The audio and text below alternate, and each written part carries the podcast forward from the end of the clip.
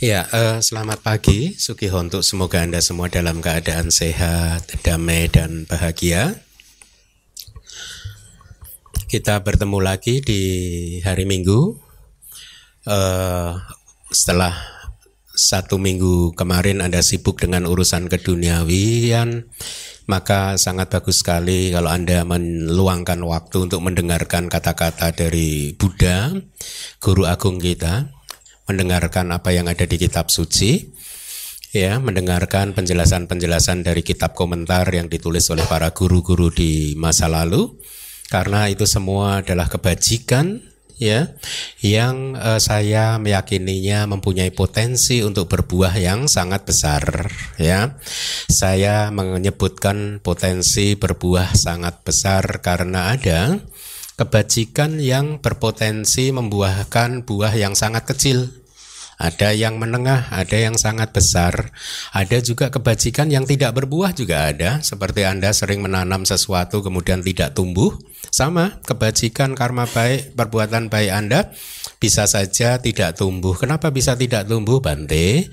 Karena Anda tidak mengerti cara untuk merawatnya. Kenapa saya tidak mengerti, Bante? Karena selama menjadi umat Buddha nggak pernah mendengar kitab suci. Ya, oleh karena itu pelajaran kita di kitab suci ini sangat penting sekali. Sebagai umat Buddha harusnya ini menjadi satu kewajiban untuk mendengarkan uh, kitab suci. Mau saya bikin bikin pernyataan kewajiban kalau nggak menjalankan kewajiban anda masuk neraka. Ya kewajiban ya. Karena inilah pengetahuan agama inilah yang sesungguhnya bisa menjamin kedamaian dan kebahagiaan Anda. Keduniawian Anda tidak bisa menjamin. Sekolah sekuler Anda SD SMP SMA kuliah nggak bisa menjamin kebahagiaan Anda karena sekolahan-sekolahan tersebut guru-guru tersebut tidak fokus di kebahagiaan tapi fokus di wilayah keilmuan masing-masing. Tujuannya Anda menjadi umat orang yang terampil. Setelah terampil terampil dalam hal apa? Terampil untuk mencari uang tapi kalau Anda berpikir setelah mendapatkan uang Anda bahagia, maka Anda totally wrong. Ya, pengetahuan agamalah yang bisa membuat Anda itu bahagia sesungguhnya. Baik, karena pagi hari ini waktunya sangat sempit karena hari ini adalah ulang tahun DBS yang keempat ya. Eh, keempat ya. Ya, keempat. Jadi nanti saya harus selesai lebih awal. Oleh karena itu tidak untuk membuang-buang waktu, saya akan segera menyampaikan materinya ya. Suta kali ini ini adalah suta yang baru ya, yang dinamakan Wasala Suta. Ya. Saya terjemahkan menjadi khotbah untuk paria. Ya. Paria itu ada di Kamus Besar Bahasa Indonesia itu seperti seseorang yang paling rendah dalam struktur masyarakat, khususnya dalam struktur masyarakat yang masih mengenal sistem kasta, ya di India dulu. Mereka mengenal hanya ada empat kasta, yaitu yang paling tinggi adalah Brahmana, kemudian yang kedua adalah Kesatria, yang ketiga adalah Waisya, itu Waisya ya. Kemudian yang keempat adalah Sudra.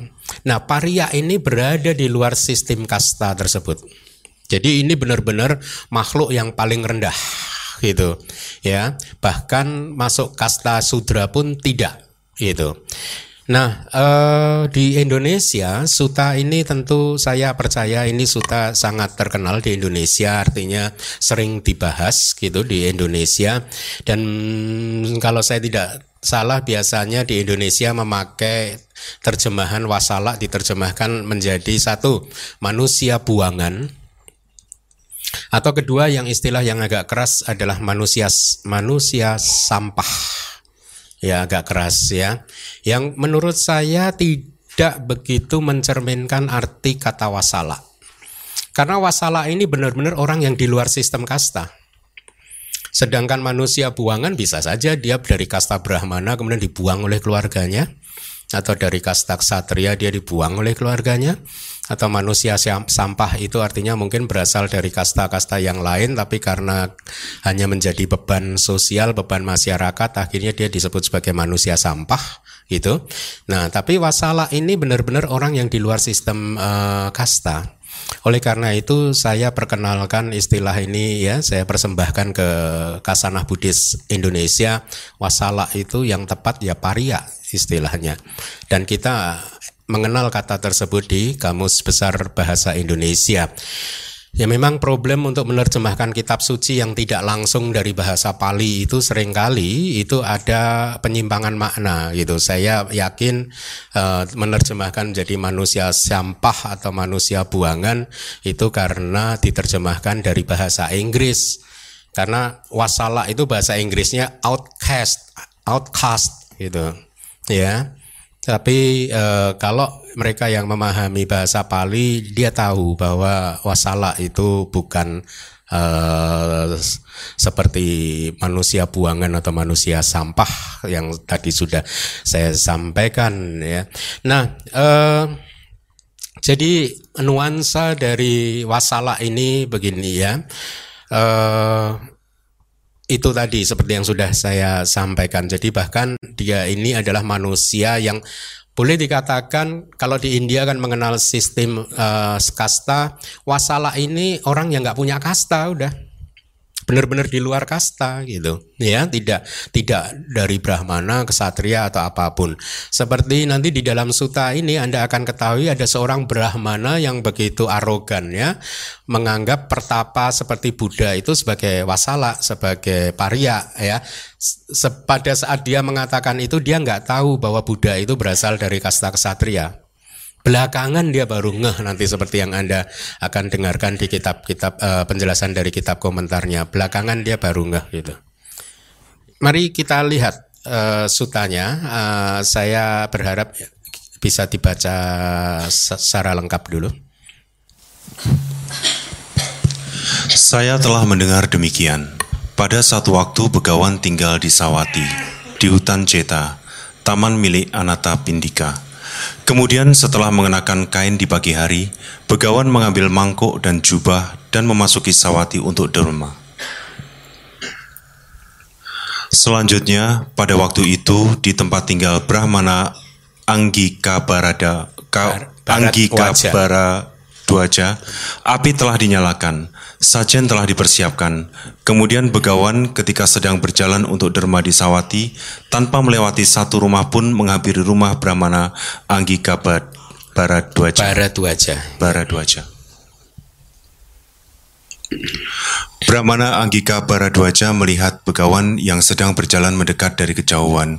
Setelah melihat, dia berkata ini kepada begawan, Tetap berdiri di sana, hai kamu pendeta gundul. Tetap berdiri di sana, hai kamu pertapa hina. Tetap berdiri di sana, hai kamu paria. Ya, itulah paria ya. Jadi di, bahkan Buddha pun disebut sebagai pendeta gundul gitu ya.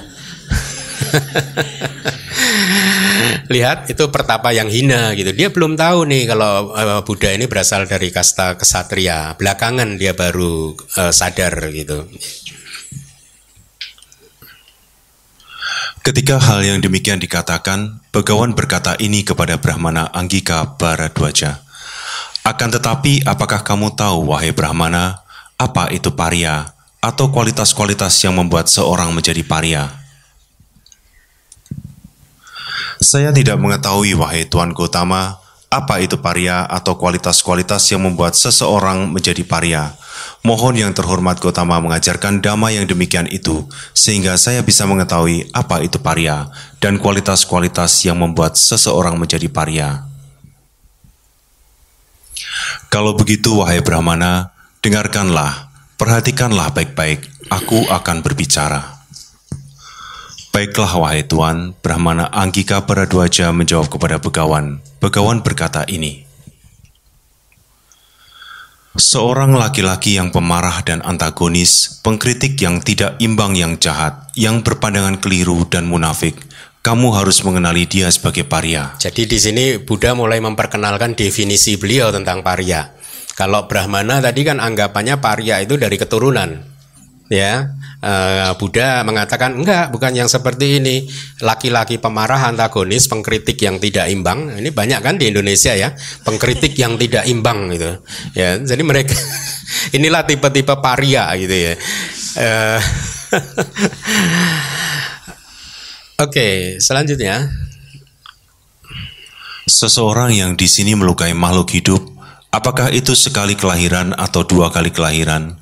Makhluk-makhluk yang tidak memiliki belas kasih terhadap makhluk-makhluk, kamu harus mengenali dia sebagai paria. Hmm, definisi beliau. Seseorang yang membunuh atau menyerang desa-desa dan kota-kota, terkenal dengan nama buruknya sebagai seorang penindas, kamu harus mengenali dia sebagai paria. Iya. Kalaupun Anda beragama, selama Anda melakukan hal-hal yang demikian ini tadi, agama Anda nggak akan bisa membantu. Apabila di desa atau di hutan, dia mencuri harta yang menjadi milik orang lain, mengambil sesuatu yang tidak diberikan. Kamu harus mengenali dia sebagai paria. Seseorang yang setelah mengambil utang lari dari tanggung jawab, ketika ditagih dengan berkilah, "Sungguh saya tidak ada utang pada kamu." Kamu harus mengenali dia sebagai paria. Ada di sini. Seseorang yang dari kerinduan pada harta benda yang kecil membunuh orang yang sedang berjalan di jalanan dan mengambil harta benda tersebut, kamu harus mengenali dia sebagai paria. Seorang laki-laki yang demi dirinya sendiri, demi orang lain dan demi kekayaan berbicara bohong ketika dia ditanya dalam posisi sebagai seorang saksi, kamu harus mengenali dia sebagai paria. Seseorang yang terlihat di antara istri-istri saudara-saudaranya atau teman-temannya dengan kekerasan atau melalui rasa sayang, kamu harus mengenali dia sebagai paria. Seseorang yang mampu tidak mendukung ibu atau ayahnya ketika mereka telah tua dan telah melewati usia mudanya, kamu harus mengenali dia sebagai paria. Jadi maksudnya dia anak ini sebenarnya mampu secara ekonomi tapi dia tidak mendukung orang tuanya. Seseorang yang memukul atau mengumpat dengan menggunakan kata-kata kepada ibu, ayah, kakak laki-laki, kakak perempuan, atau ibu mertua, kamu harus mengenali dia sebagai paria. Seseorang yang ketika ditanya tentang hal yang baik, memerintahkan orang lain hal yang tidak baik, menasihatinya dengan cara yang kabur, kamu harus mengenali dia sebagai paria. Seseorang yang setelah melakukan perbuatan jahat berharap, semoga tidak ada yang mengetahui saya, seorang penyembunyi perbuatannya, kamu harus mengenali dia sebagai paria. Seseorang yang setelah mengunjungi keluarga lain, setelah makan makanan yang enak, tidak membalas penghormatan ketika mereka berkunjung, kamu harus mengenali dia sebagai paria. Seseorang yang menipu dengan menggunakan perkataan bohong kepada seorang brahmana, pertapa atau seorang pengemis lainnya, kamu harus mengenali dia sebagai paria. Kok saya semua, Bante? Seseorang yang pada waktu makan telah tiba mengumpat dengan kata-kata dan tidak memberikan makanan kepada seorang brahmana atau seorang pertapa, kamu harus mengenali dia sebagai paria. Seseorang yang di sini berbicara dengan perilaku orang yang buruk, tertutup oleh delusi, mencari sesuatu untuk dirinya sendiri, kamu harus mengenali dia sebagai paria. Seseorang yang memuji dirinya sendiri dan melecehkan orang-orang lain adalah orang yang hina karena kesombongannya sendiri, kamu harus mengenali dia sebagai paria.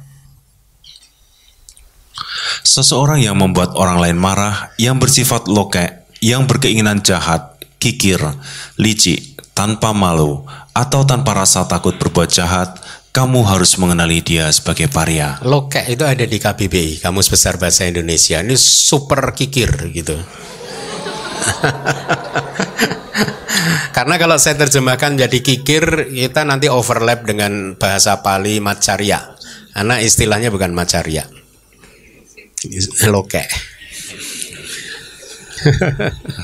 Seseorang yang mencaci Buddha atau muridnya, apakah seorang pengembara atau perumah tangga, kamu harus mengenali dia sebagai paria.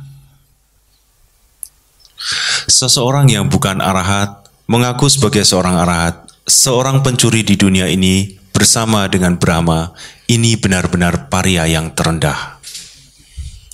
Sampah paria ini telah dikatakan, mereka telah diterangkan olehku. Bukan karena kelahiran seseorang menjadi paria, bukan karena kelahiran seseorang menjadi brahmana, karena perbuatan seseorang menjadi paria, karena perbuatan seseorang menjadi brahmana. Pahamilah dengan cara itu juga, sesuai dengan contoh yang aku berikan, paria yang bernama Sopaka yang terkenal dengan nama Matanga. Matangga, matangga. Matangga tersebut telah mencapai ketenaran yang terbaik, yang sangat sulit untuk diperoleh. Banyak satria dan brahmana datang untuk melayani dia. Setelah menaiki jalan menuju ke surga, jalan raya yang tanpa debu, setelah melenyapkan nafsu indriawi, dia mengambil kelahiran di dunia para Brahma. Status sosial dia tidak menghalanginya dari kelahiran di dunia para Brahma. Mereka yang telah lahir di keluarga para guru, yaitu para Brahmana yang menguasai mantra, mereka sering kali terlihat terlibat pada perbuatan-perbuatan yang jahat. Jadi Buddha tadi memberi dua contoh. Satu matangga itu orang yang memang uh, di luar sistem eh, kasta tadi, tapi dia bisa lahir di Brahma. Sementara ini Buddha mengatakan keluarga para Brahma, para guru itu yang menguasai mantra, sering kali ada juga yang terlibat perbuatan jahat. Jadi mana yang paria? Mereka tercela di kehidupan sekarang dan di kelahiran mendatang adalah tempat tujuan yang buruk. Status sosial tidak menghalangi mereka dari tempat tujuan yang buruk atau celaan. Tuh kan, ya. Meskipun statusnya tinggi ya nggak terhindar dari celaan. Bukan karena kelahiran seseorang menjadi paria, bukan karena kelahiran seseorang menjadi brahmana, karena perbuatan seseorang menjadi paria, karena perbuatan seseorang menjadi brahmana. Ya, ini saya ulang lagi. Jadi eh, apa? Anggap saja ini iklan. karena apa? Eh, syair ini sangat terkenal ya saya ingin anda hafalkan dan saya akan tuntun anda bagaimana melakukannya. Ya. Na caca wasalohoti Na caca hoti brahmano. Kamu na wasalohoti Kamu na hoti brahmano. Itu bisa nggak? Yuk satu dua tiga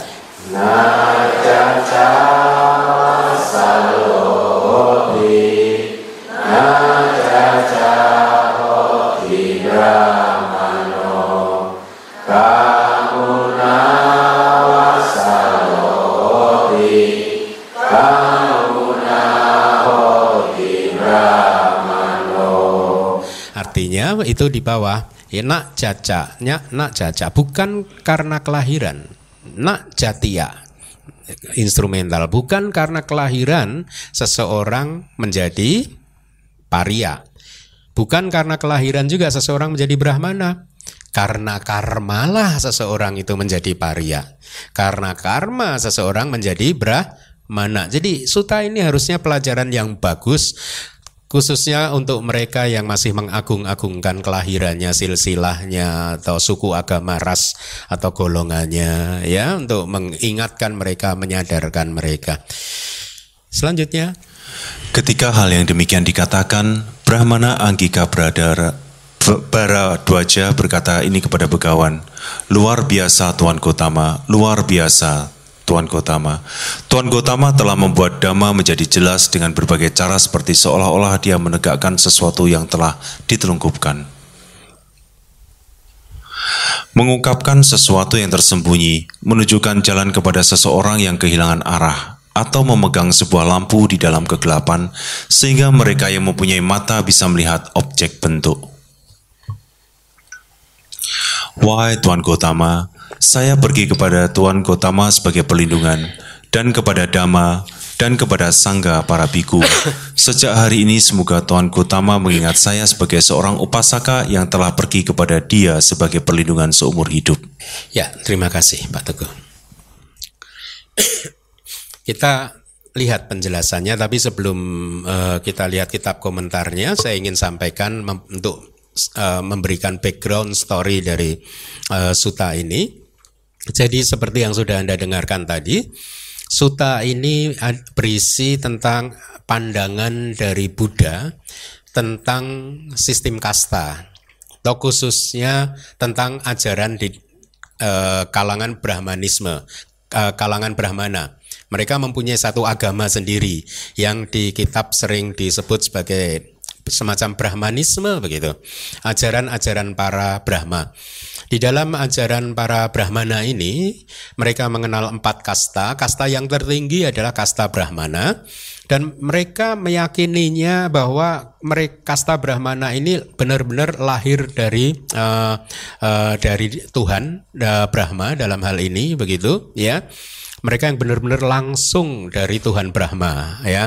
Sementara kasta-kasta yang lain itu menempati struk posisi di dalam struktur yang uh, lebih rendah. Kalau kasta Brahmana itu mereka menjadi pemuka agama, semacam pemuka agama meskipun mereka boleh menikah. Ya. Uh, mereka menjadi pemuka agama. Kalau di Buddha kan pemuka agamanya tidak menikah ya. Enak ya sebenarnya boleh. Kemudian kasta yang kedua adalah kesatria ya Anda tahu dia itu the the ruler itu yang mengatur kepemerintahan. Kemudian kasta yang ketiga Waisya, Wesa itu adalah kasta apa? E, pedagang, sudra itu yang paling rendah ya pegawai begitu ya. Nah, e, jadi e, karena para brahmana seperti Agika Baradwaja tadi itu seperti brahmana-brahmana yang lain mereka terlalu mengagung-agungkan kasta mereka ya dengan menganggap diri mereka yang paling suci, murni, bersih ya karena turun langsung dari Brahma gitu. Efeknya maka para brahmana bisa terjadi seperti di dalam suta ini dia tidak menghormati pertapa dan bahkan menganggap seorang pertapa adalah paria gitu ya. Nah, eh, Ya, contoh dari Brahmana itu uh, seperti yang tadi saya katakan, Brahmana ini menikah dan bahkan mempunyai anak itu seperti uh, di Suta yang lalu Suba, anak muda Suba itu kan Brahmana muda. Dia anak dari Brahmana yang bernama Todea kan. Jadi mereka begitu itu sistem uh, struktur ininya begitu mereka boleh menikah gitu. Nah, uh,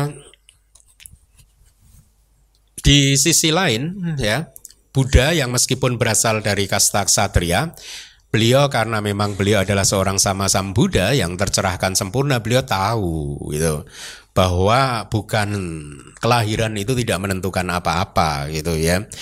Jadi uh, beliau menolak struktur kasta ini ya karena menurut Buddha struktur dalam sistem kasta ini hanyalah konvensional.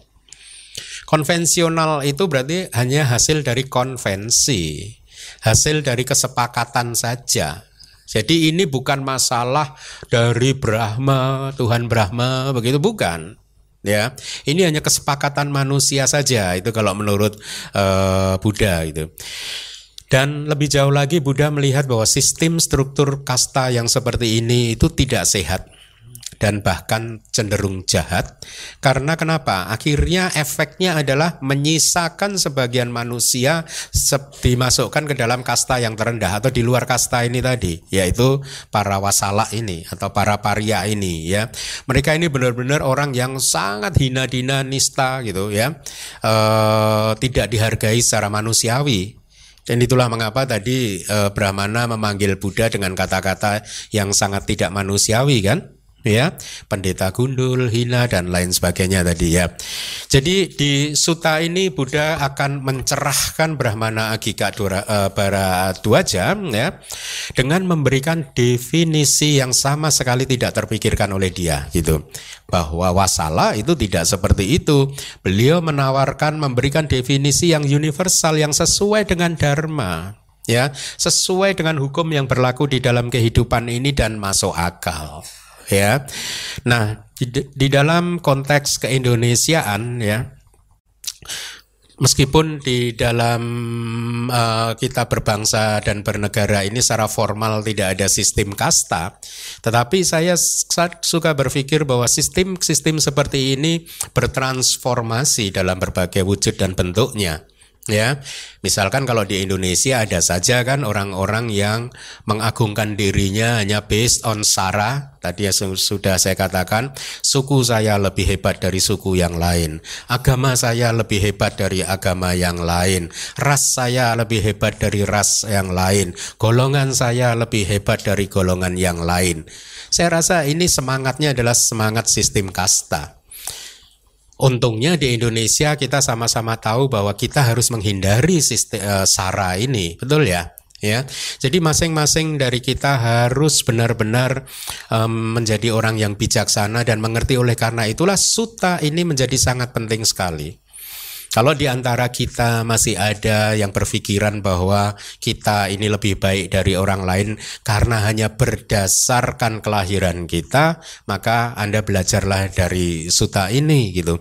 Apa yang Anda kita banggakan dari kelahiran kita sih sesungguhnya?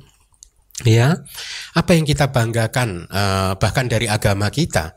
Kalau kita sendiri tidak bisa mendapatkan manfaat dari agama ini untuk membuat kita tercerahkan, ya.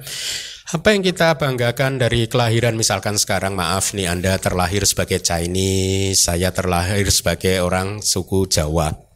Ya, kalau saya membanggakan suku saya suku Jawa, nah, saya keliru total. Kenapa? Karena kehidupan ini berulang-ulang.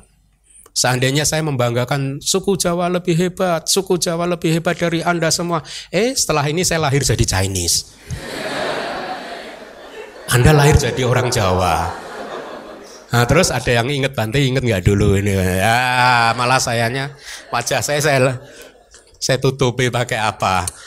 Jadi apa yang kita banggakan dari kelahiran? Ya, karena kelahiran ini berulang-ulang. Anda saat ini jadi Anda yang sekarang, tapi tidak tertutup kemungkinan di kelahiran depan Anda akan menjadi orang yang Anda benci saat ini. Paham? Oleh karena itu pandangan itu harus benar ya. Oleh karena itulah suta ini harus benar. Jadi stop labeling. Ya. Jangan memberi label lagi bahwa saya Jawa Anda bukan Jawa atau apa pun. Stop it Hentikanlah itu semua karena itu tidak sesuai dengan dhamma. Dhamma mengajarkan kepada kita apa tadi? Na caca wasalohoti, na caca hoti brahmano, na kamu na wasalohoti, kamu na hoti brahmano. Karena karma.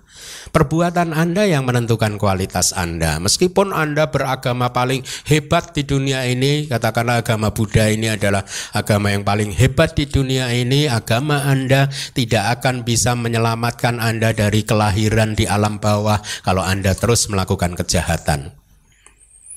Ya, menyakiti orang lain, membunuh orang lain, gak ada yang bisa menyelamatkan. Kalau itu karmanya harus berbuah, ya pasti akan memberikan penderitaan begitu ya. Nah mari kita lihat sekarang penjelasannya.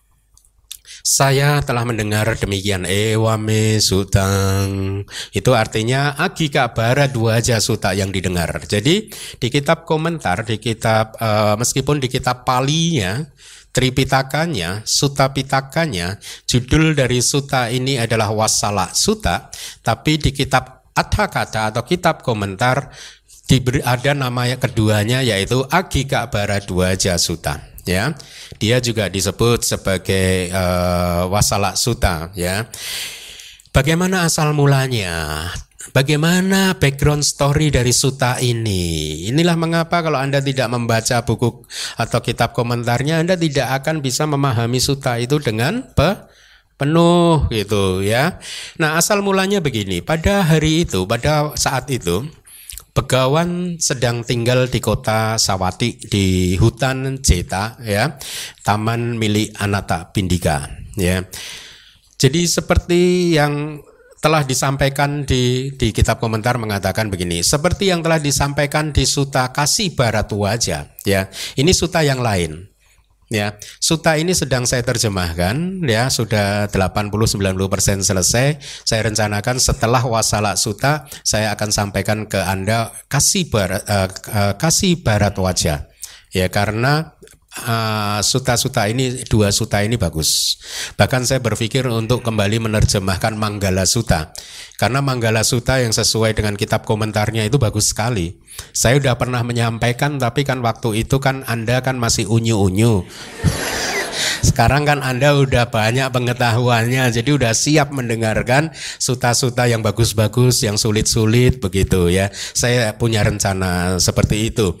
Nah, kembali lagi kitab komentar mengatakan begini, seperti yang telah disampaikan di Kasih Baradwaja Suta, ini satu suta yang lain yang sedang saya terjemahkan. Ketika sedang memperhatikan dunia dengan menggunakan mata Buddha di akhir dari aktivitas beliau di siang hari, kita udah pernah belajar ini sebenarnya aktivitas Buddha dalam sehari-hari yaitu di Susima Sutta kalau tidak salah ya. Jadi ketika di akhir dari aktivitas Buddha di siang hari Buddha memperhatikan dunia ya. E, kemudian beliau melihat ada seorang brahmana yang bernama Agika e, Baradwaja itu tadi ya. Beliau tahu bahwa beliau sudah mempunyai si brahmana ini dukungan yang sangat kuat Upanisaya ya untuk perlindungan dan untuk peraturan-peraturan latihan gitu. Jadi uh, Buddha melihat ada dukungan yang sangat kuat artinya kama baik yang hampir masak dari dari dari brahmana tersebut ya. Setelah mengetahuinya demikian Buddha kemudian berpikir begini.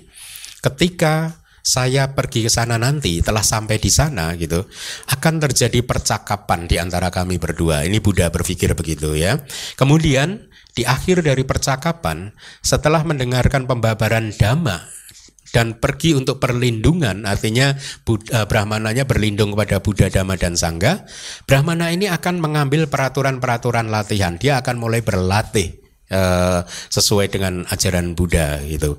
Demikianlah setelah Buddha pergi ke sana benar terjadi percakapan di antara mereka berdua ya. E, dan juga pembabaran dhamma juga diminta oleh Brahmana. Dan inilah mengapa kemudian Begawan atau Buddha menyampaikan wasala sutta. Karena ini sesungguhnya atas permintaan dari dia gitu. Ya. Sehubungan dengan hal tersebut eh, kami akan menjelaskan kalimat kami. Nah ini memang dari kata-kata jadi kami para guru kata-kata akan menjelaskan kalimat yang diawali dengan saya telah mendengar demikian di dalam komentar Manggala Sutta makanya Manggala Sutta ini juga perlu diterjemahkan gitu ya. Saya akan terjemahkan itu. Selanjutnya kemudian setelah mengenakan kain di pagi hari, begawan dan seterusnya. Ini kalimat ini hendaknya dipahami hanya dengan cara seperti yang telah disampaikan di kasih Baradwaja Suta ya nanti setelah suta ini gitu. Ya. Sesungguhnya ini hanya berkaitan dengan aktivitas Buddha saja. Ya, sedikit banyak Anda sudah mendengar dari Susima Sutta. Di dalam kalimat selanjutnya pada waktu itu di rumah Brahmana Agika Baradwaja ya Artinya penjelasannya kami akan menjelaskan para guru atau kata guru kitab komentar akan menjelaskan hanya hal-hal apa pun yang belum disampaikan sebelumnya. Artinya belum disampaikan di suta-suta sebelumnya yaitu hanya akan dijelaskan karena Brahmana tersebut memercikkan sesuatu ke api sambil mengelilinginya maka dia dikenal dengan nama Agika seseorang yang menyembah api nah sekarang Anda tahu ya Nama Agika itu berasal dari kebiasaan dia atau praktek spiritual dia. Dia suka memercikkan air terus memberi persembahan kepada api. Ya, saya rasa praktek itu masih eksis di zaman modern. Ya, menyembah api masih ada, masih ada ya. Dari silsilah bara duaja. Jadi bara duaja itu adalah silsilah dia, leluhur dia. Ya, dan dia adalah praktisi penyembah api, maka itu namanya adalah agika bahasa palinya disambung berarti agika barat duaja agika yang berasal dari keturunan atau silsilah barat Duaja itu. Oleh karena itulah dia dikenal sebagai Agika Barat Duaja gitu ya. Nah, eh, selanjutnya di jadi sutanya ada kalimat seperti ini. Selanjutnya pada waktu itu gitu, di tempat tinggal Brahmana Agika Barat Wajah api telah dinyalakan, sajen telah dipersiapkan. Sajen itu tahu ya sesajian Ada di Kamus Besar Bahasa Indonesia juga. Sesajian yang dipersembahkan kepada eh, makhluk-makhluk tertentu. Itu istilahnya sajen. Jadi sajen telah dipersiapkan, kemudian begawan ketika sedang berjalan untuk derma atau pindah patah di kota Sawati, tanpa melewati satu rumah pun menghampiri rumah Brahmana Agi akhirnya sampai ke rumah Agika eh, Brahmana Agika eh, Baradwaja. Diceritakan di kitab komentar bahwa di sepanjang jalan di pintu masuk tempat tinggal Brahmana tersebut terdapat ruangan untuk untuk sajen kepada api. Jadi eh, di, di, di pintunya dia di depan di sekitar pintu itu ada satu ruangan khusus untuk uh, sajen kepada api. Sama kan Anda suka mungkin yang tradisi Anda ada yang mempunyai di depan pintu rumah ada apa itu? Hiolo itu? Itu di depan ya. Ya, mirip-mirip mungkin kalau berarti mirip ya Bante. nah, kalau ini sajen untuk uh, api gitu ya saya sempat quote ini uh, sub ambil sajen itu adalah bahasa Jawa yang diadopsi ke dalam bahasa Indonesia dan ada di kamus besar bahasa Indonesia. Itu makanan bisa berupa bunga-bunga dan sebagainya atau hio. Kalau orang-orang di Pulau Jawa kan tidak pakai hio. Dia pakai uh, kemenyan ya kemenyan itu saya dulu juga semakin menyengat semakin hebat kemenyannya. Pokoknya baunya harus menyengat gitu. ya. Nah, eh, yang disajikan kepada makhluk halus dan sebagainya gitu atau atau uh, uh, KBBI juga menginikan kata semah kata saya nggak tahu nih semah kayak sesajian lah ya sama. Nah kembali lagi jadi pada saat seharusnya dikatakan sebagai di pintu rumah gitu ya, di pintu tempat tinggal, oleh karena tempat itu pun termasuk dalam tempat tinggal, maka dikatakan sebagai di tempat tinggal yang ada di layar. Ini hanya penjelasan saja, tapi memberikan data kepada kita bahwa sesungguhnya tempat sesajian sajian untuk apinya itu ada di sekitar pintu ruangannya, di depan pintu yang paling depan. Ya. Nah, eh, ketika Brahmana hendak melakukan persembahan kepada api gitu ya. Jadi Uh, Anda harus ingat bahwa dia adalah Brahmana penyembah api gitu. Pada saat itu api telah dinyalakan. Ya. Apinya kukuh di dalam wadahnya. Jadi mungkin udah sangat besar, apinya udah stabil begitu ya. Uh, kemudian api menyala ke atas itu. Setelah kayu bakar dimasukkan dan mendapatkan kipasan, api menjadi berkobar, menyala-nyala, menjulang tinggi begitu.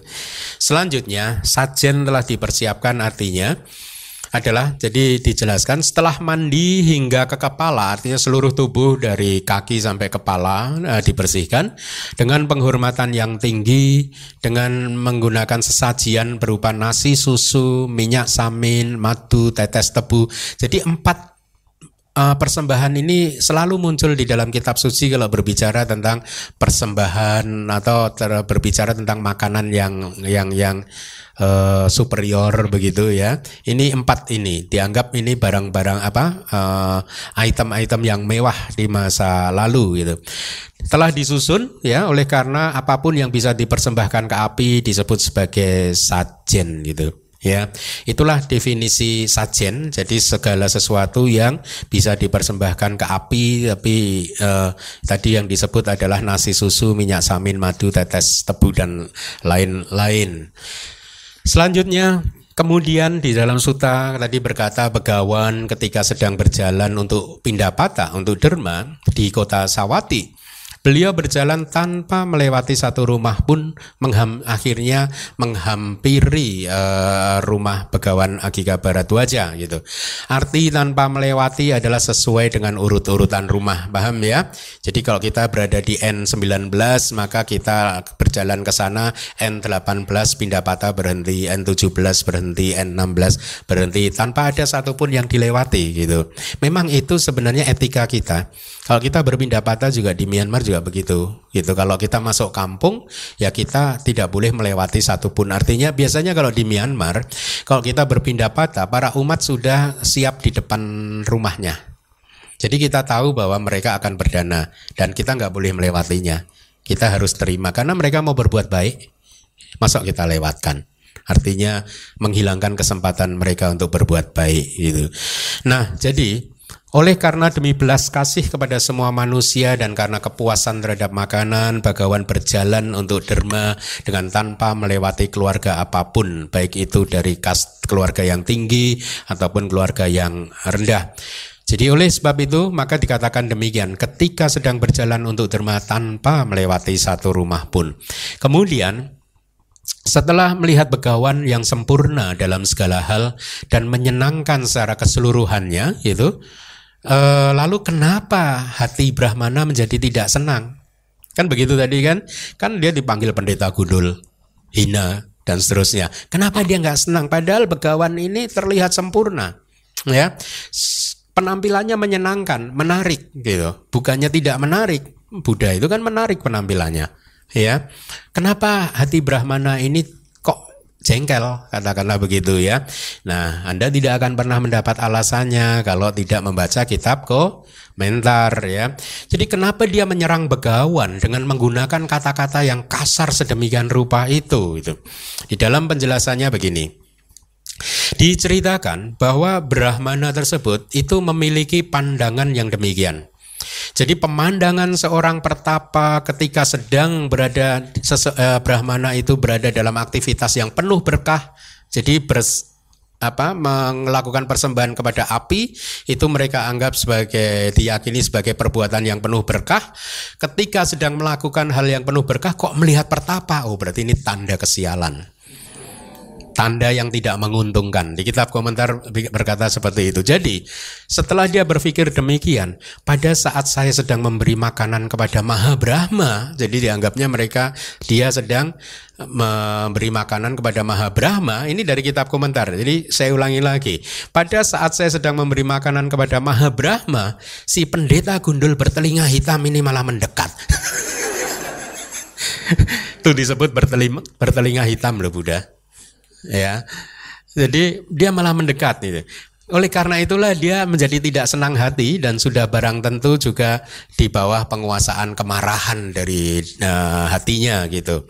Jadi uh, lihatlah bahwa eh, ini dari saya, Brahmana tersebut mempunyai pandangan salah dan melihat pertapa sebagai tanda sial, kehilangan berkah ya, tidak beruntung gitu.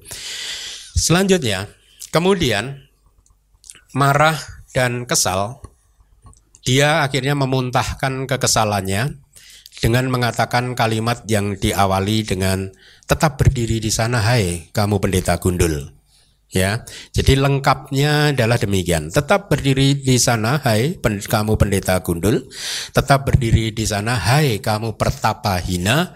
Tetap berdiri di sana, hai kamu paria ya. Dan sehubungan dengan hal tersebut juga, oleh karena pandangan para brahmana yang demikian ini, seorang yang kepalanya gundul itu adalah tidak bersih. ya, maka dia merasa jijik dan itulah mengapa dia berkata pertapa gundul. Ya, ini dibahas sudah berapa kali ini.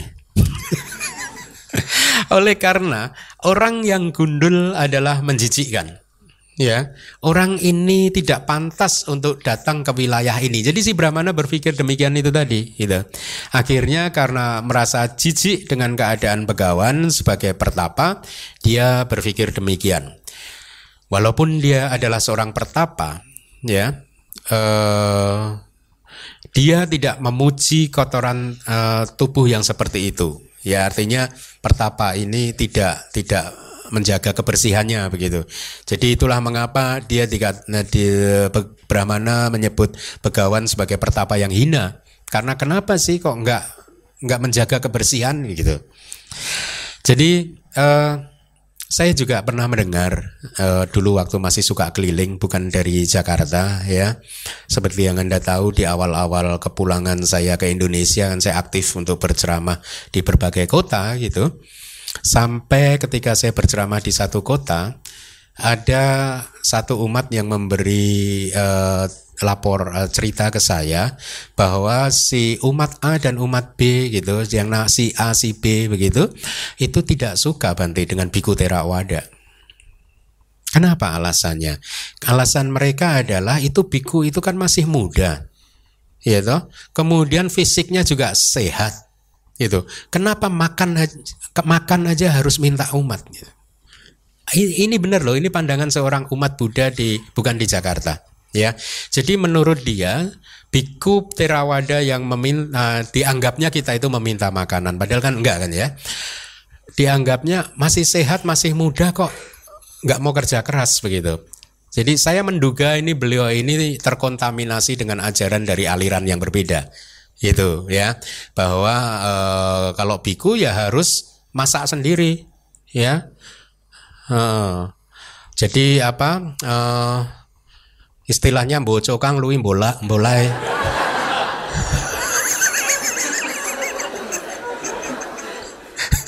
Emangnya kita bocokang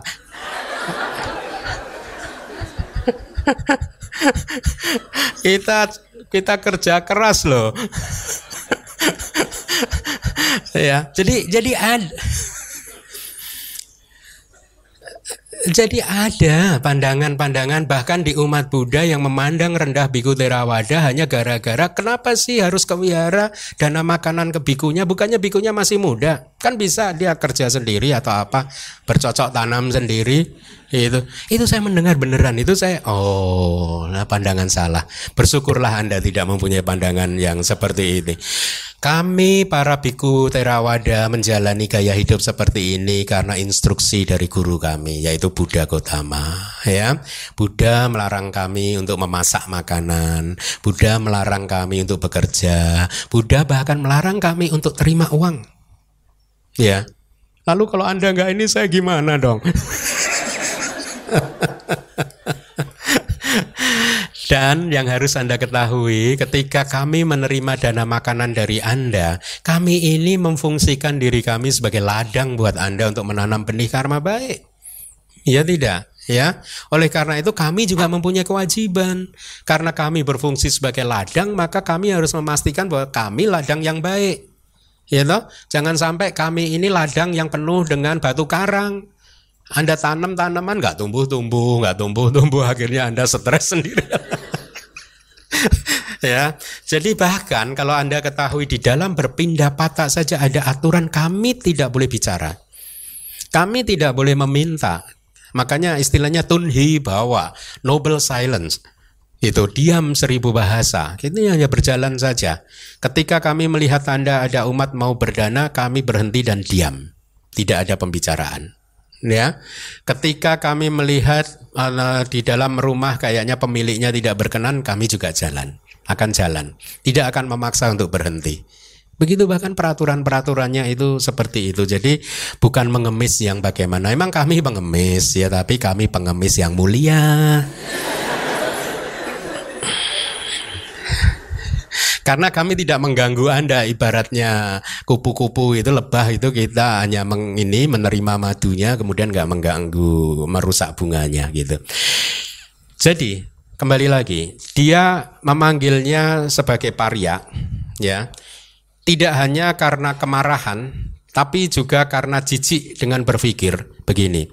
Setelah memberikan paria ini penahbisan, jadi setelah Buddha ini memberikan penahbisan kepada orang-orang lain, maka kualitas Buddha itu jatuh. Kenapa? Karena Buddha dianggap makan bersama-sama dan menggunakan benda-benda bersama-sama dalam kesatuan bersama dengan paria-paria yang lain gitu ya.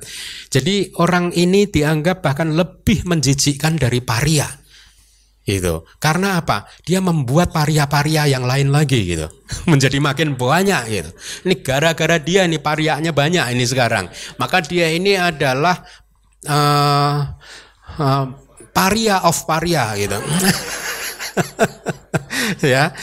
Atau dia berkata demikian karena berpikir karena melihat sajen dan mendengarkan mantra adalah tidak baik bagi mereka yang berasal dari kelas paria. Jadi brahmananya juga ini penjelasan dari kitab komentar atau mungkin gitu brahmananya berpikir bahwa e, paria itu nggak pantas untuk melihat sesajian seperti itu atau mendengarkan mantra yang dibacakan oleh Brahmana gitu. Jadi dia jijik dengan pertapa seperti Buddha Ya. Kemudian walaupun dikatakan dengan cara demikian, atau dikata-katai gitu dengan cara demikian dengan raut wajah yang jernih ya ini berbicara tentang Buddha dengan suara yang manis dengan hati yang sejuk karena belas kasih kepada Brahmana memperlihatkan kualitas diri yang tidak sama dengan semua makhluk artinya kualitas yang excellent gitu yang berbeda dengan makhluk-makhluk yang lain Begawan kemudian berkata akan tetapi gitu apakah kamu tahu wahai Brahmana apa itu paria? Satu, akan tetapi apakah kamu tahu kualitas-kualitas yang membuat seseorang menjadi paria? Itu yang kedua. Nah, jadi pada posisi ini Brahmana mulai agak tercengang, kagum melihat ketenangan begawan, ya. Walaupun sudah di kata apa istilahnya di dalam tanda kutip mungkin dimaki gitu ya dengan kata-kata yang keras seperti itu tetapi begawan tetap raut wajahnya jernih suaranya tetap manis hatinya tetap uh, sejuk gitu. Sehingga kemudian Brahmana ini berpikir ini orang ini pasti tidak biasa. Dia memiliki keseimbangan batin yang luar biasa. Ya. Ketika melihat uh, wajah yang demikian itulah ya, uh, kemudian Brahmana mulai berubah pikiran ya. Disebutkan di dalam kitab komentar hatinya dari Brahmana tersebut seolah-olah disirami dengan ambrosia. Saya nggak tahu ambrosia itu apa ya? Hmm? Eh bunga ya. Menyejukkan ya. Jadi merasa senang dengan indria-indria yang jernih, kemudian dia menjadi santun, seolah seperti telah memuntahkan racun, dia meninggalkan kebiasaan bercakap-cakap yang merupakan ciri dari status sosialnya. Artinya kebiasaan bercakap-cakap yang merupakan ciri dari status sosialnya, itu saya menduga bahwa mungkin di India itu berlaku sistem struktur bahasa juga. Kalau yang dari kasta tinggi itu berbicara dengan bahasa yang berbeda, ya uh, dengan kasta-kasta yang lain. Saya menduga ini kalau yang saya ketahui di di di, di Jawa itu kita mengenal paling tidak kalau tidak salah ada tiga struktur bahasa. Yaitu satu yang disebut kromo inggil ya. Kromo inggil itu berarti inggil itu tinggi kromo inggil ini adalah bahasa yang harus diucapkan oleh seseorang yang istilahnya statusnya itu lebih rendah.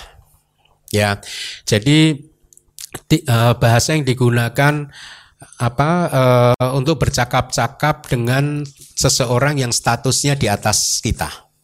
Status itu tidak tidak tidak kasta tetapi status itu bisa seseorang yang lebih tua dari kita ya. Seperti saya kalau sama orang tua saya saya pakai bahasa gitu kromo begitu. Nah ini kromo inggil struktur yang paling tinggi. Jadi digunakan untuk berbicara dengan orang yang lebih tinggi dari kita ya dengan guru kita gitu Kemudian struktur yang kedua adalah kromomatio, yang matio itu menengah gitu. Ini adalah bahasa yang digunakan untuk berbicara dengan orang yang kita anggap sederajat dengan kita. Ya. Kemudian yang paling rendah itu adalah uh, uh, ngoko ya Jawa ngoko begitu. Digunakan untuk bercakap-cakap dengan mereka yang statusnya lebih rendah dari kita. Jadi ada tiga tingkatan ini.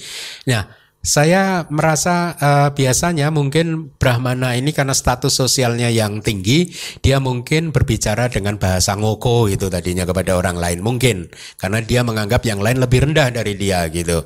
Nah, dikatakan di sini ketika melihat ketenangan keseimbangan begawan, Brahmana gaya bicaranya mulai berubah ya.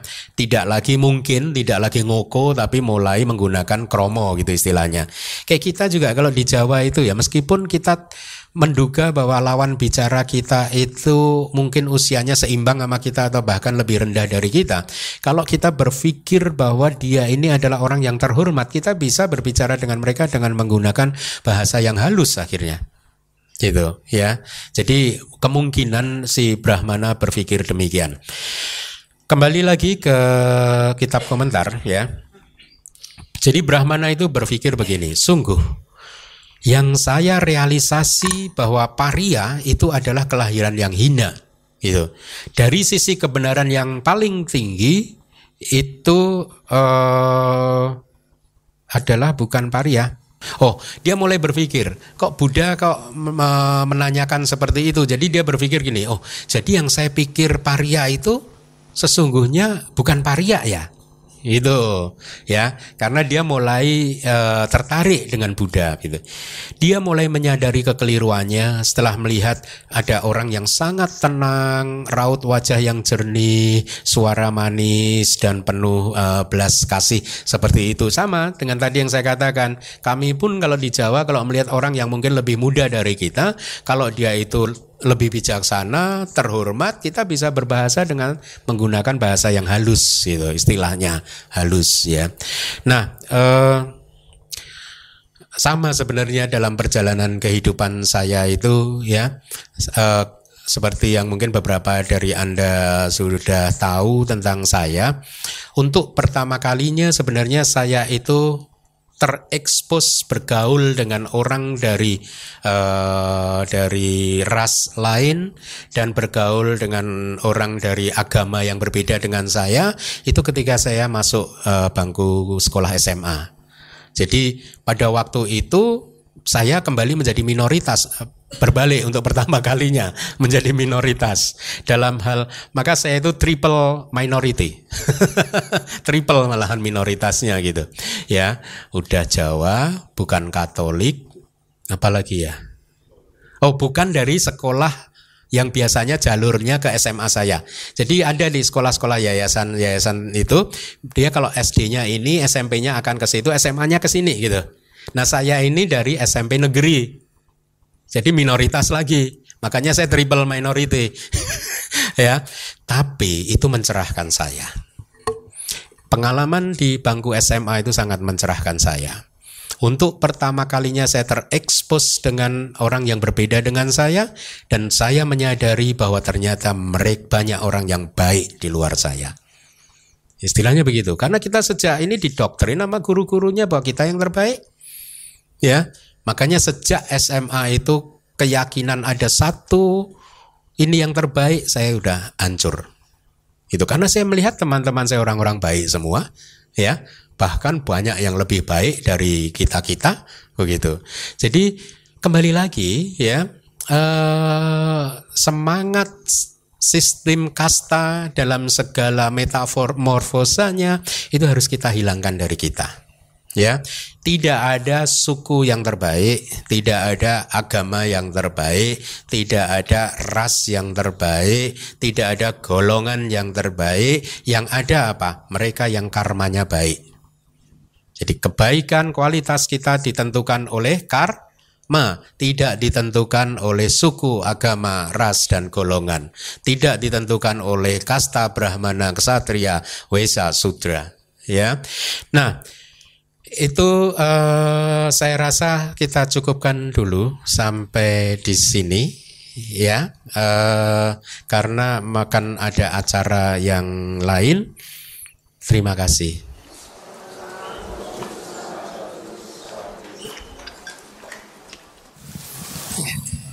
Terima kasih Bante Sukihotu Bante. Sukihotu. Uh, saya penasaran belakangan ini karena di ilmu data komputer, sekarang kan kita mengenal server itu ada di cloud system. Jadi kayak ada pusat data gitu. Nah ini saya jadi penasaran belakang ini karma kita masing-masing itu disimpan di mana, Bante? Apakah ada pusat data karma atau dari masing-masing kita bawa masing-masing sendiri terus, Bante? ya, terima kasih, Bante. Baik, pertanyaan yang bagus. Pertanyaan yang bagus ya. Tapi hati-hati. Kalau uh, anda tidak hanya Pak Irwan dan yang lain-lain juga, kalau Anda berpikir ada pusat data, cloud tadi, iCloud atau apa itu tadi, hati-hati. Ini adalah pandangan salah tentang kekekalan. Betul? Ya, seolah-olah ada pusat data ini yang nyimpen ini semua ini kekal.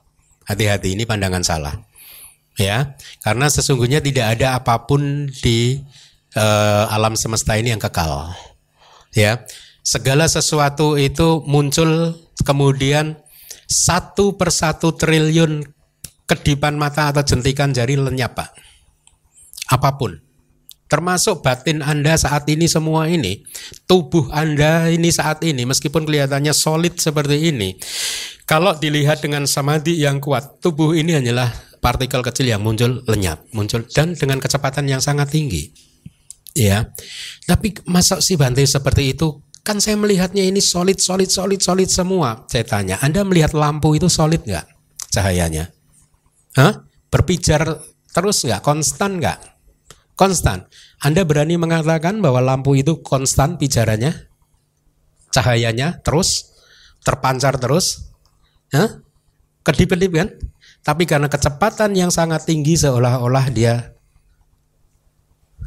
itu apa? Cahayanya konstan. Betul. Sama. Kita ini hanya terdiri dari panca kanda, lima agregat. Masing-masing dari agregat itu, fenomena mental uh, kitab komentar menjelaskan dalam satu jentikan jari satu triliun kesadaran itu muncul dan lenyap. Betapa cepatnya. Tubuh pun juga seperti ini. Tubuh 17 kali lebih lambat, tapi itu pun masih ratusan miliar, ratusan ribu miliar. Ya, uh, seper ratusan ribu miliar jentikan jari gitu maksud saya. Nah, jadi itu pertama yang harus dipahami, tidak ada apa pun yang kekal. Ya. Termasuk juga karma-karma masa lalu kita juga tidak kekal. Gitu. Tidak ada kemudian tersimpan di mana-mana begitu.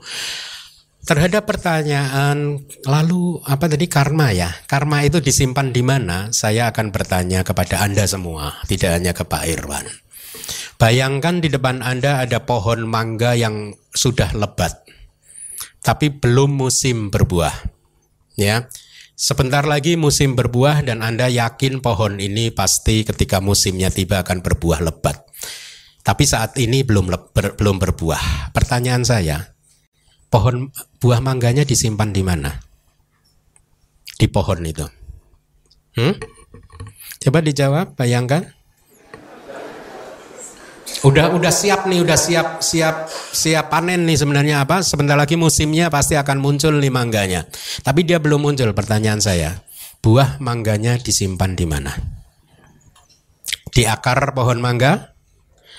Di batang pohon mangga? Di dahan? di ranting, di tangkai, di daun, di mana? Berarti nggak ada mangga? Hah? Kok nggak nggak disimpan di mana-mana? Berarti nggak ada mangga yang berbuah? Ada. Sebentar lagi berbuah. Singkat cerita keesokan harinya mulai berbuah. Ya. Jadi pertanyaannya buah mangga ini muncul dari mana? Hmm? Muncul dari mana? Itulah kira-kira perumpamaan tentang cara bekerjanya karma. Kita mengenal ada banyak fenomena mental dan ada juga fenomena materi. Dari semua fenomena mental, ada 53 fenomena mental yang berbeda. Ya, 53 fenomena batin yang berbeda. Ya. Dari 53 fenomena batin yang berbeda ini, 52 fenomena mental itu begitu dia lenyap lenyap dia tidak memunculkan meninggalkan potensi apa pun. Tetapi satu fenomena mental yang disebut cetana kehendak karma ketika dia lenyap dia tidak lenyap begitu saja. Dia memindahkan potensinya ke kesadaran yang berikutnya di dalam pijaran lampu ini tadi dipindahkan potensinya ketika dia hanya berupa potensi. Jadi karma itu hanya berupa potensi. Anda tahu nggak potensi? Potensi itu adalah semacam dia mempunyai kekuatan untuk berbuah, tapi dia tidak harus berbuah. Tadi di awal juga sudah saya katakan kan, kebajikan Anda itu mempunyai potensi untuk berbuah tapi tidak harus berbuah. Dengan kata lain, karma baik bisa tidak berbuah. Sedih nggak? Anda ini nanti berdana nih bisa nggak berbuah. Jadi nggak usah dana aja silahkan. Masuk apa ya? ah, nggak pernah berbuat baik. diancam-ancam aja sekarang. Saya lagi berpikir nih, kayaknya umat Buddha emang harus diancam-ancam nih kayaknya. Biar pada ini kita nggak pernah ngancem-ngancem jadi. Nah, saya ulangi lagi, cetana atau karma, begitu dia berbuat, kemudian lenyap, dia tidak lenyap begitu saja tapi memun, uh, meninggalkan potensi untuk berbuah. Seperti pohon mangga tadi. Ketika mangganya belum muncul, dia sebenarnya punya potensi untuk memunculkan mangga.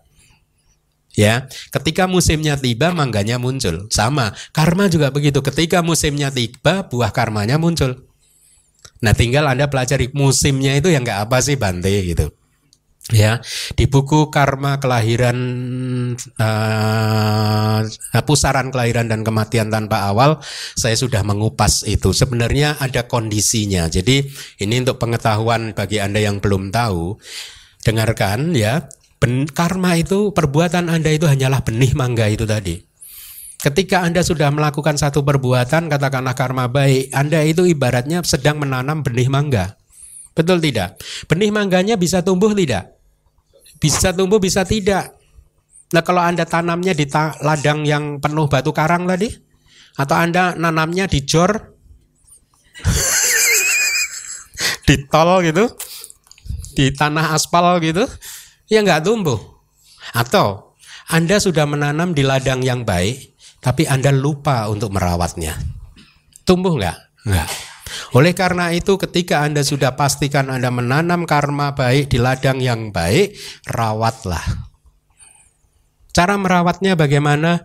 Ada empat yang saya sudah sering uraikan itu. Gati sampati yaitu keberhasilan kelahiran kita sudah nggak bisa memilih karena kita sudah lahir sebagai manusia maka ini dianggap sebagai keberhasilan kita ya. Nah, keberhasilan kan kalau Anda sudah berhasil mendapatkan kelahiran yang baik ini, lihatlah di dalam kehidupan Anda siapa pun yang mendapatkan keberhasilan, maka hukumnya berlaku seperti ini. Setiap keberhasilan satu dari empat ini atau semuanya, setiap keberhasilan berlaku hukum seperti ini. Keberhasilan akan mem membuat timbunan karma baik subur dan berbuah. Sebaliknya keberhasilan akan melumpuhkan semua benih-benih karma buruk. Itulah mengapa ketika kita lahir sebagai manusia, banyak karma baik kita yang berbuah sementara banyak karma buruk kita yang lumpuh loh sebenarnya. Makanya kita ini cenderung banyak bahagianya kan. Kita Bante. Bante aja kali. Saya enggak Bante. Tapi relatif meskipun Anda nggak bahagia itu ya, itu nggak ada apa-apanya dibandingkan penderitaan mereka yang lahir di empat apa ya. Oleh karena itu karena keberhasilan kelahiran ini Anda sudah dapatkan ya.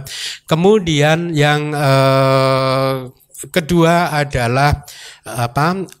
upadi ya upadi sampati upadi itu substrat substrat itu seperti katakanlah kalau bahasa sehari harinya kayak penampilan ini Makanya mereka yang penampilannya baik kan cenderung menikmati buah karma baik kan? Makanya Anda harus berpenampilan yang baik. Datang ke wihara penampilan nggak baik, ya wajar kalau kalau dulu kalau di Singapura itu ya, itu uh, ada satu penjaga wihara di tempat saya tinggal Singapura itu suka maki-maki orang. Ya, kalau kalau dia ngelihat kalau orangnya kok nggak rapi itu dia akan marah-marah gitu dimarahin gitu. Orang saya aja pernah dimarahin. Ya, Anda tahu nggak dia marahin saya apa dulu ya? Ingat nggak? Nggak ingat? Ajan ya, dia panggil saya Ajan. Lu, ah, lu cia cece biao cokang ah.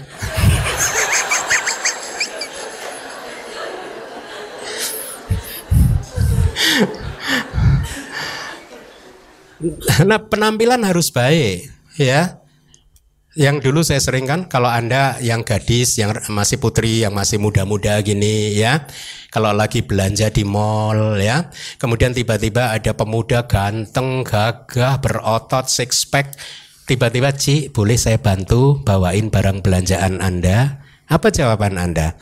Karma baik berbuah. Tapi coba kalau yang nolongin Anda itu wajahnya jelek, kotor, dekil. Ih, siapa sih kamu? Kita kayaknya nggak kenal deh. Eh, eh. Tadi sama yang satu kenal. sama yang ini nggak mau. Jadi kira-kira begitu. Upadi itu penampilan. Kemudian kala, kala, kala sampati keberhasilan waktu. Keberhasilan waktu itu adalah seseorang yang hidup ketika pemimpinnya baik maka cenderung mengalami hidup yang enak. Ketika seseorang hidup di pemimpinnya itu tidak baik, cenderung hidupnya susah. Anda bekerja di kantor, kalau pemimpin kantor Anda baik, cenderung Anda mengalami hal-hal yang baik. Sebaliknya kalau pemimpin Anda tidak baik, akan mengalami hal yang tidak baik. Sama kalau Anda di rumah mempunyai pemimpin keluarga yang baik, Anda cenderung bahagia. Kalau pemimpin keluarganya nggak baik, Anda cenderung menderita. Sama, ya. Nah, yang keempat adalah keberhasilan payoga. Payoga itu cara ya. Semakin cara itu adalah melakukan karma baik, melakukan kebajikan, dana, sila, bawana dan seterusnya ya.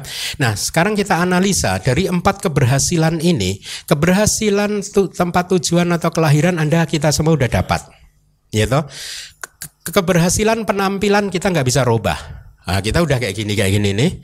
Bisa sih ke Korea Selatan karena kalau Anda mau ya. Makanya saya pernah katakan kan, maaf nih, artis ya, kadang yang jobnya sudah mulai sepi ke Korea Selatan seminggu dua minggu pulang rame lagi loh jobnya. ya, ini nggak bisa dirubah. Waktu kalah keberhasilan waktu nggak bisa dirubah, mungkin sulit untuk dirubah ya. Maka yang keempat ini yang bisa kita lakukan untuk merawat benih karma baik kita yaitu apa? Merawat dengan keberhasilan cara. Keberhasilan cara itu adalah sering melakukan karma baik. Inilah empat cara untuk merawat karma baik. Sebaliknya kalau ini tidak berhasil berarti kegagalan, maka rumusnya berlaku demikian setiap kegagalan akan menyuburkan karma buruk dan melumpuhkan karma baik. Paham? Makanya jangan sampai ada kegagalan. Ya, kegagalan tempat tujuan mereka yang lahir di empat apaya itu, mereka gagal. Itulah mengapa karma buruk mereka banyak berbuah.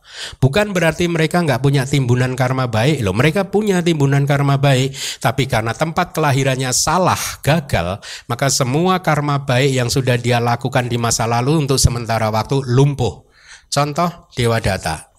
Dewa Data itu menurut Buddha Gautama setelah selesai dia lahir dari e, neraka kemudian keluar dari neraka nanti akan jadi Paceka Buddha. Tapi selama dia di dalam neraka dia akan menderita terus. Kenapa? Karena karma buruknya subur, karma baiknya lumpuh.